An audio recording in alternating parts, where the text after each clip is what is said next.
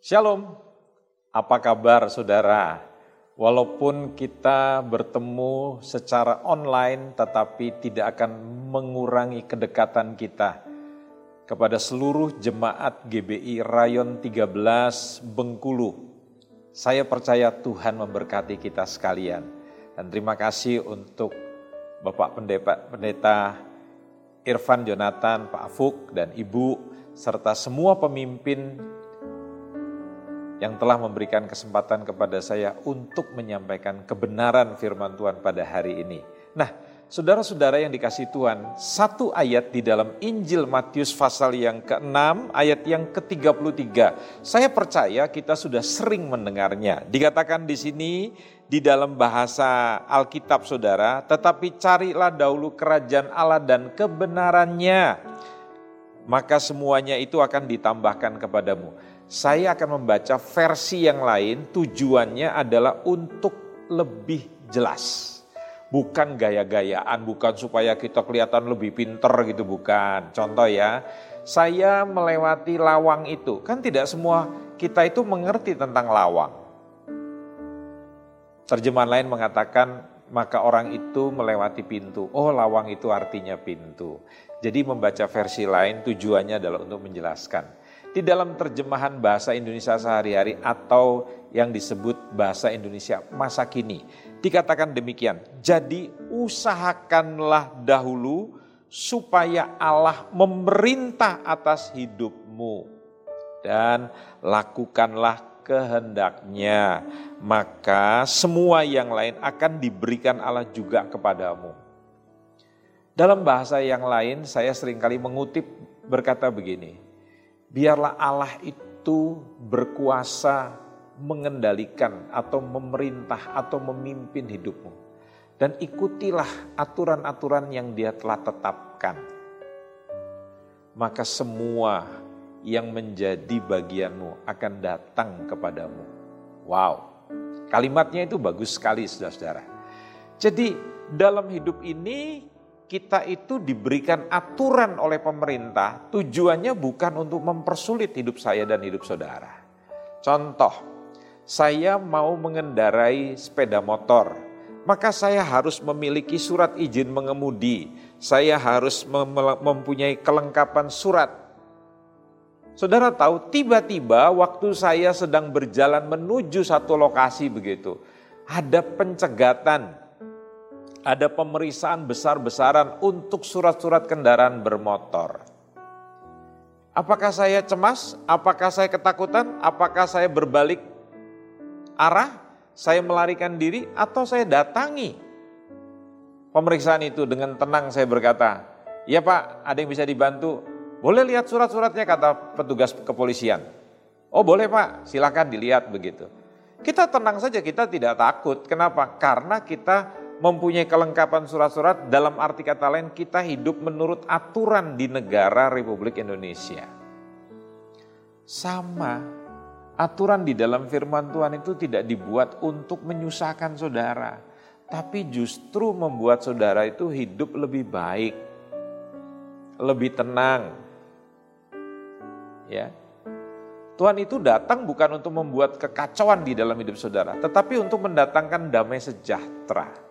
Artinya kalau orang hidup dalam aturannya Allah, bahasanya mereka itu agidah, ya akidah, aturan, hukum, maka itu akan membuat saudara menjadi tenang. Nah, dari ayat yang akan saya ajak saudara membaca ini, kita akan melihat tiga aturan utama kalau saudara hidup di dalam pemerintahnya Allah. Karena setiap pemerintah itu, setiap kerajaan itu punya aturan. Kita nggak bisa buat aturan sendiri. Kalau bahasa Jawanya itu kita nggak bisa hidup sakar PDW gitu. Terserah saya. Nah itu justru akan menghancurkan hidup saudara. Nah mari kita lihat di dalam Injil Lukas 9. Ayat yang ke-23. Ya. Coba kita lihat Injil Lukas pasal yang ke-9 ayat yang ke-23 sampai dengan ayat yang ke-26. Ya. Saudara lihat di dalam terjemahan saudara, tetapi saya akan membaca di dalam terjemahan yang lain lagi, namanya Alkitab Mudah Dibaca atau AMD. Yuk kita baca sama-sama, saudara baca dalam versi saudara terjemahan baru.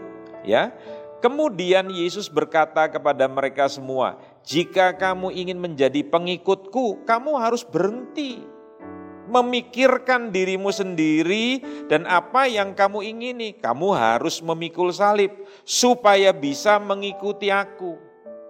Jika kamu mencoba menyelamatkan hidupmu, kamu akan kehilangannya. Tetapi jika kamu menyerahkan hidupmu karena aku, kamu akan diselamatkan. Apa untungnya kamu memiliki seluruh dunia ini jika kamu sendiri musnah atau kehilangan segala sesuatu? Janganlah malu karena aku dan ajaranku. Karena aku, anak manusia, juga akan malu mengakui kamu ketika aku datang dengan kemuliaanku dan kemuliaan Bapa dan para malaikat yang kudus. Apa aturan pertama kalau saudara mengatakan bahwa saya menjadikan Tuhan itu adalah raja saya, pemerintah saya, dan saya akan mengikuti aturan-aturan yang telah diberikan oleh raja saya, yaitu Tuhan Yesus. Yang pertama, dia katakan, setiap rakyat di dalam kerajaan Allah itu harus menyangkal diri setiap hari. Menyangkal diri sendiri, menyangkali ego saudara. Saudara tahu, musuh terbesar dalam hidup manusia itu bukan orang lain. Tapi dirimu sendiri melawan nafsumu untuk tidak merokok. Sulit sekali. Saudara berpikir, apa kata orang kalau laki-laki tidak merokok? Banci dong. Saya mau beritahu ya saudara, di Jakarta ini semua banci merokok loh. Jadi kalau Anda mengatakan bahwa yang tidak merokok banci, salah. Justru banci itu merokok. Saya nggak tahu di daerah Anda bagaimana. Justru the real man, laki-laki sejati itu justru bisa mengalahkan nafsunya untuk membakar uang, dengan cara menghisap rokok, itu kan mencelakakan kesehatannya sendiri. Apalagi nafsu diri sendiri. Untuk saudara melakukan perbuatan-perbuatan asusila, perbuatan-perbuatan aib. Nah itu sebuah penyangkalan diri saudara-saudara. Itu yang akan menghancurkan saudara. Musuh saudara bukan bersaing dengan orang lain, dengan teman-teman saudara. Kejadian satu itu mengatakan bahwa Tuhan itu menciptakan saya dan saudara untuk menaklukkan dunia, bukan menaklukkan sesama, bukan menaklukkan orang lain. Jadi itu sebabnya saya tidak perlu bersaing dengan gembala gereja. Saya tidak perlu bersaing dengan seorang pengusaha di dalam gereja. Mengapa? Karena buat saya, saya tidak perlu berjuang mengalahkan atau bersaing dengan orang lain.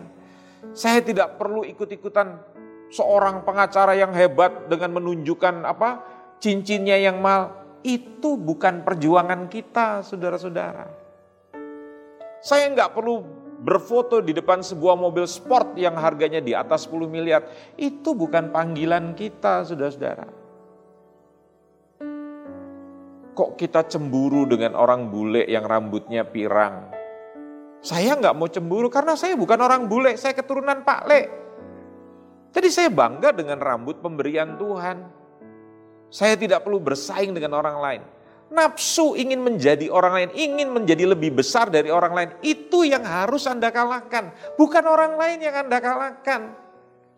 Persoalan terbesar dalam hidup manusia itu adalah menyangkal akunya, egonya.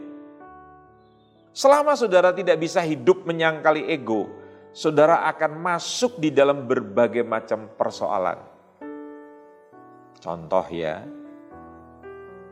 kita nggak mau ngalah sama orang. Kita merasa bahwa pendapat kita itu yang terbaik, yang terbenar. Akhirnya apa? Kita selalu tidak mau kalah dan kita akhirnya berantem, kita ngotot-ngototan begitu. Nah pada waktu saudara ngotot-ngototan, mungkin pendapat saudara benar dan saudara menang. Tapi saudara apa? Kehilangan simpatik kawan. Orang menjadi tidak suka dengan Anda. Apa sih? Untungnya Anda menang seperti begitu. Musuh Anda bukan mengalahkan pendapatnya orang lain. Musuh Anda itu Anda mengalah, Anda mengalahkan ego, mengalahkan diri sendiri. Nah itu aturan pertama. Jadi kalau saudara tidak bisa menyangkali ego saudara, saudara sulit untuk bisa mengikuti Yesus. Jadi saya ulangi sekali lagi, musuh terbesar di dalam kerajaan Allah adalah kerajaan ego. Karena barang siapa yang mau menyelamatkan nyawanya, justru dia akan kehilangan. Ada seorang hamba Tuhan namanya Martin Luther yang menjadi bapak reformasi. Saudara tahu, di tengah banyak para padri, para hamba-hamba Tuhan, para rohaniwan, lari meninggalkan daerahnya yang di Jerman pada waktu itu yang terkena bala sampar. Semua menyelamatkan diri. Justru Martin Luther beranggapan ada begitu banyak umat yang hidup di dalam kesusahan sebagai seorang hamba Allah. Harus justru menguatkan mereka. Dan saudara tahu, karena dia menolong banyak orang yang terkena bahaya, bahaya sampar pada waktu itu. Dia harus kehilangan bayinya yang belum mencapai satu tahun itu harga yang harus dibayar. Ayub kehilangan segala-galanya. Kehilangan yang terbesar itu adalah kehilangan nyawa anak-anaknya. Kemudian dirinya. Sakit dari ujung kepala sampai ujung kaki. Saya merasakan sakit di bagian pinggang saja beberapa waktu yang lalu. Itu nyeri sekali. Nah ini sakit dari ujung kepala sampai ujung kaki. Dan dihilangkan dengan cara digaruk dengan beling. Semuanya habis. Istrinya tidak lagi jadi penolong. Bahkan mengajarkan, menyarankan. Udah hujat aja Tuhan. Tapi saudara tahu. Ayub bilang, aku lahir dengan telanjang Tuhan. Dan aku mati juga telanjang. Artinya apa? Dia orang yang ikhlas. Bahasa tetangga kita dia orang yang ridho. Orang yang tawadu, orang yang rendah hati. Kenapa?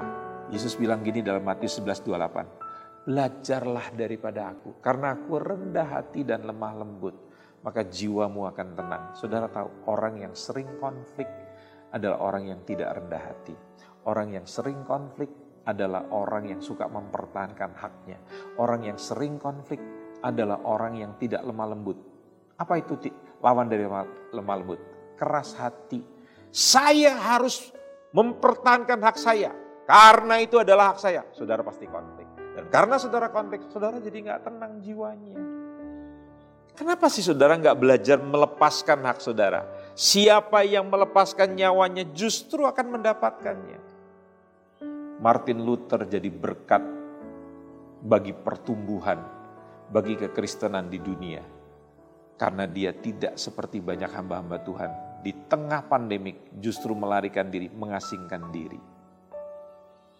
Kita justru harus menemani umat.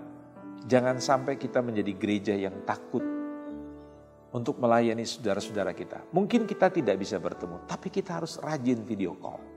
Kita harus rajin telepon mereka Bahkan kalau dalam penguburan kita perlu datang. Tapi dengan jaga jarak memakai protokol kesehatan pada saat penguburan. Saudara tahu, mereka yang dalam kesusahan tidak dengar bicara kita, tapi mereka dari jauh melihat kehadiran kita. Itu sudah penghiburan yang luar biasa.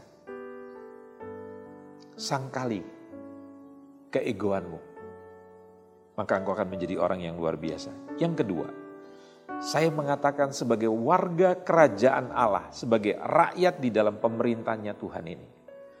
Harus memikul salibnya setiap hari. Tadi dikatakan begitu. Dia harus bukan hanya menyangkal dirinya, menyangkal egonya, tapi dia harus belajar menyalibkan dirinya. Saudara tahu, salib itu membuat penderitaan. Hari-hari ini pelajaran tentang penyangkalan diri dan memikul salib itu sudah langka dalam gereja. Gereja hanya banyak bicara tentang kesembuhan, hanya banyak bicara tentang mujizat, banyak bicara tentang berkat-berkat finansial. Saya tidak anti dan Tuhan juga tidak anti. Karena itu merupakan bagian daripada janjinya Tuhan.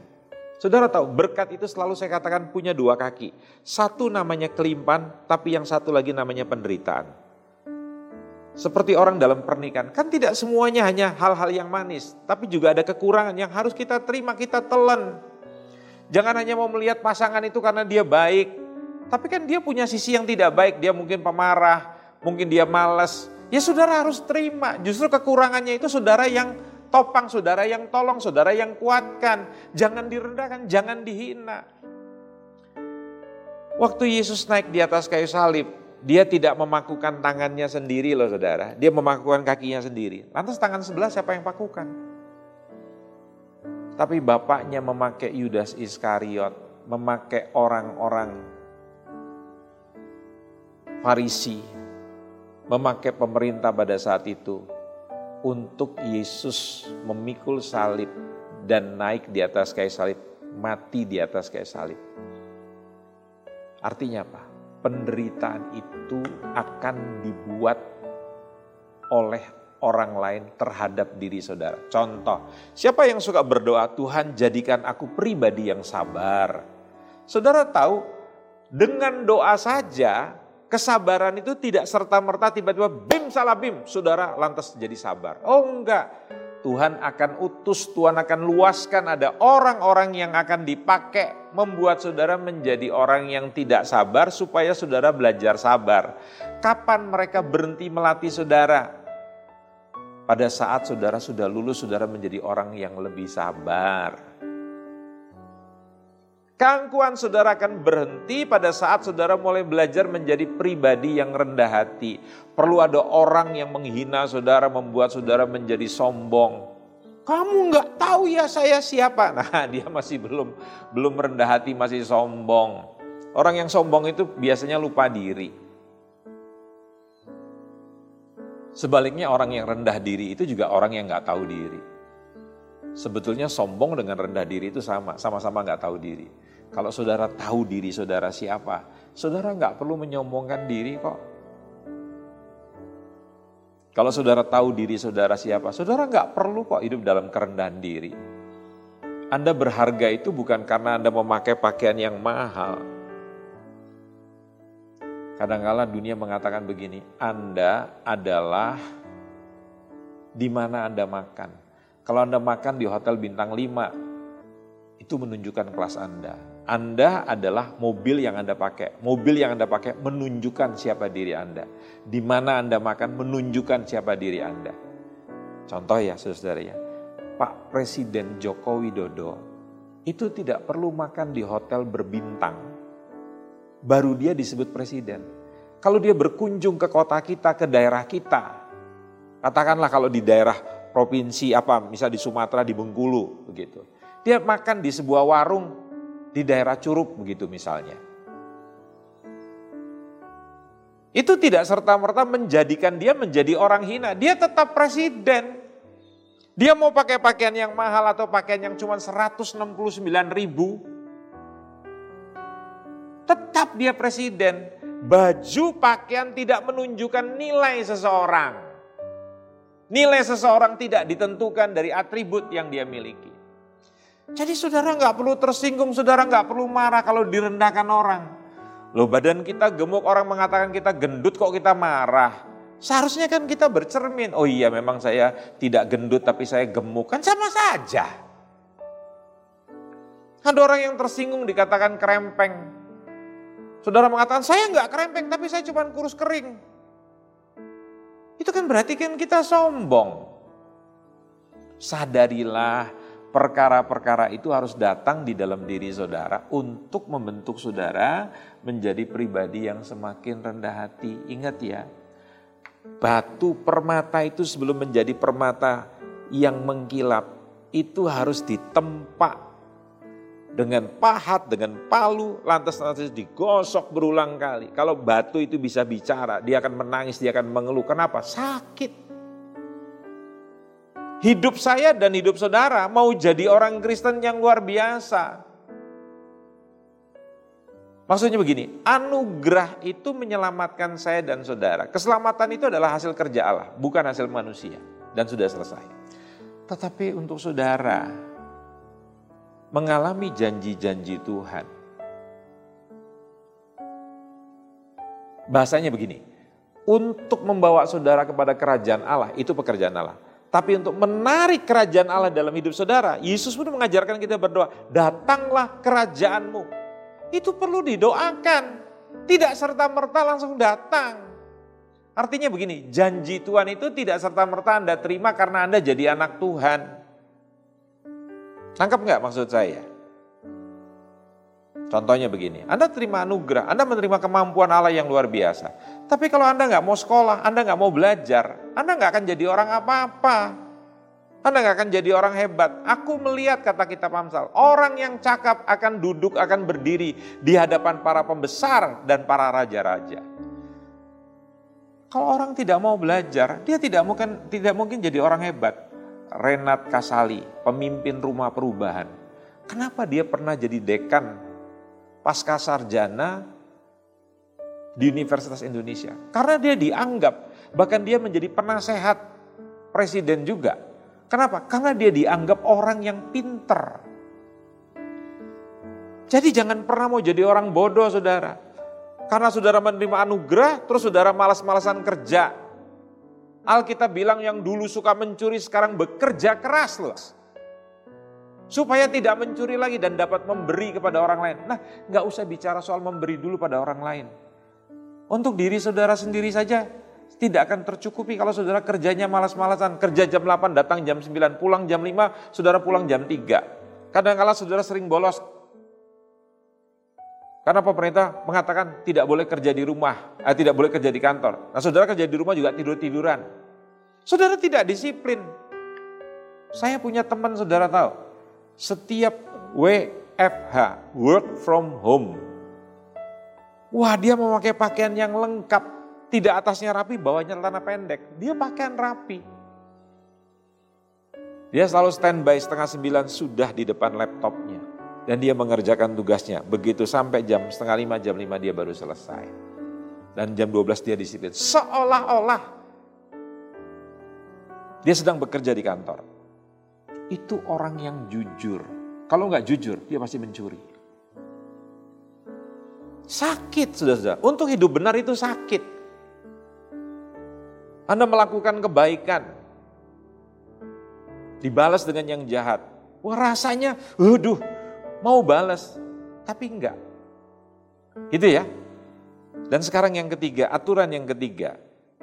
Setiap rakyat di dalam kerajaannya Allah harus mengikuti rajanya setiap hari. Bahasa Alkitabnya gini, di mana aku ada kata Yesus, di situ hambaku pun ada. Artinya apa? Anda selalu available.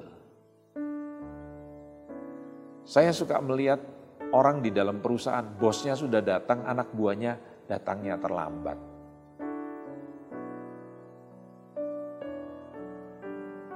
Saya kemarin melihat podcastnya atau wawancaranya daripada Daniel Mananta dengan salah seorang pemimpin stasiun TV terbesar di Indonesia.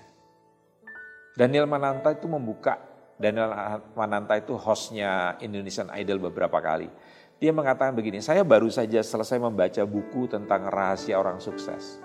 Salah satu rahasia orang sukses itu dia bangun pagi sekali.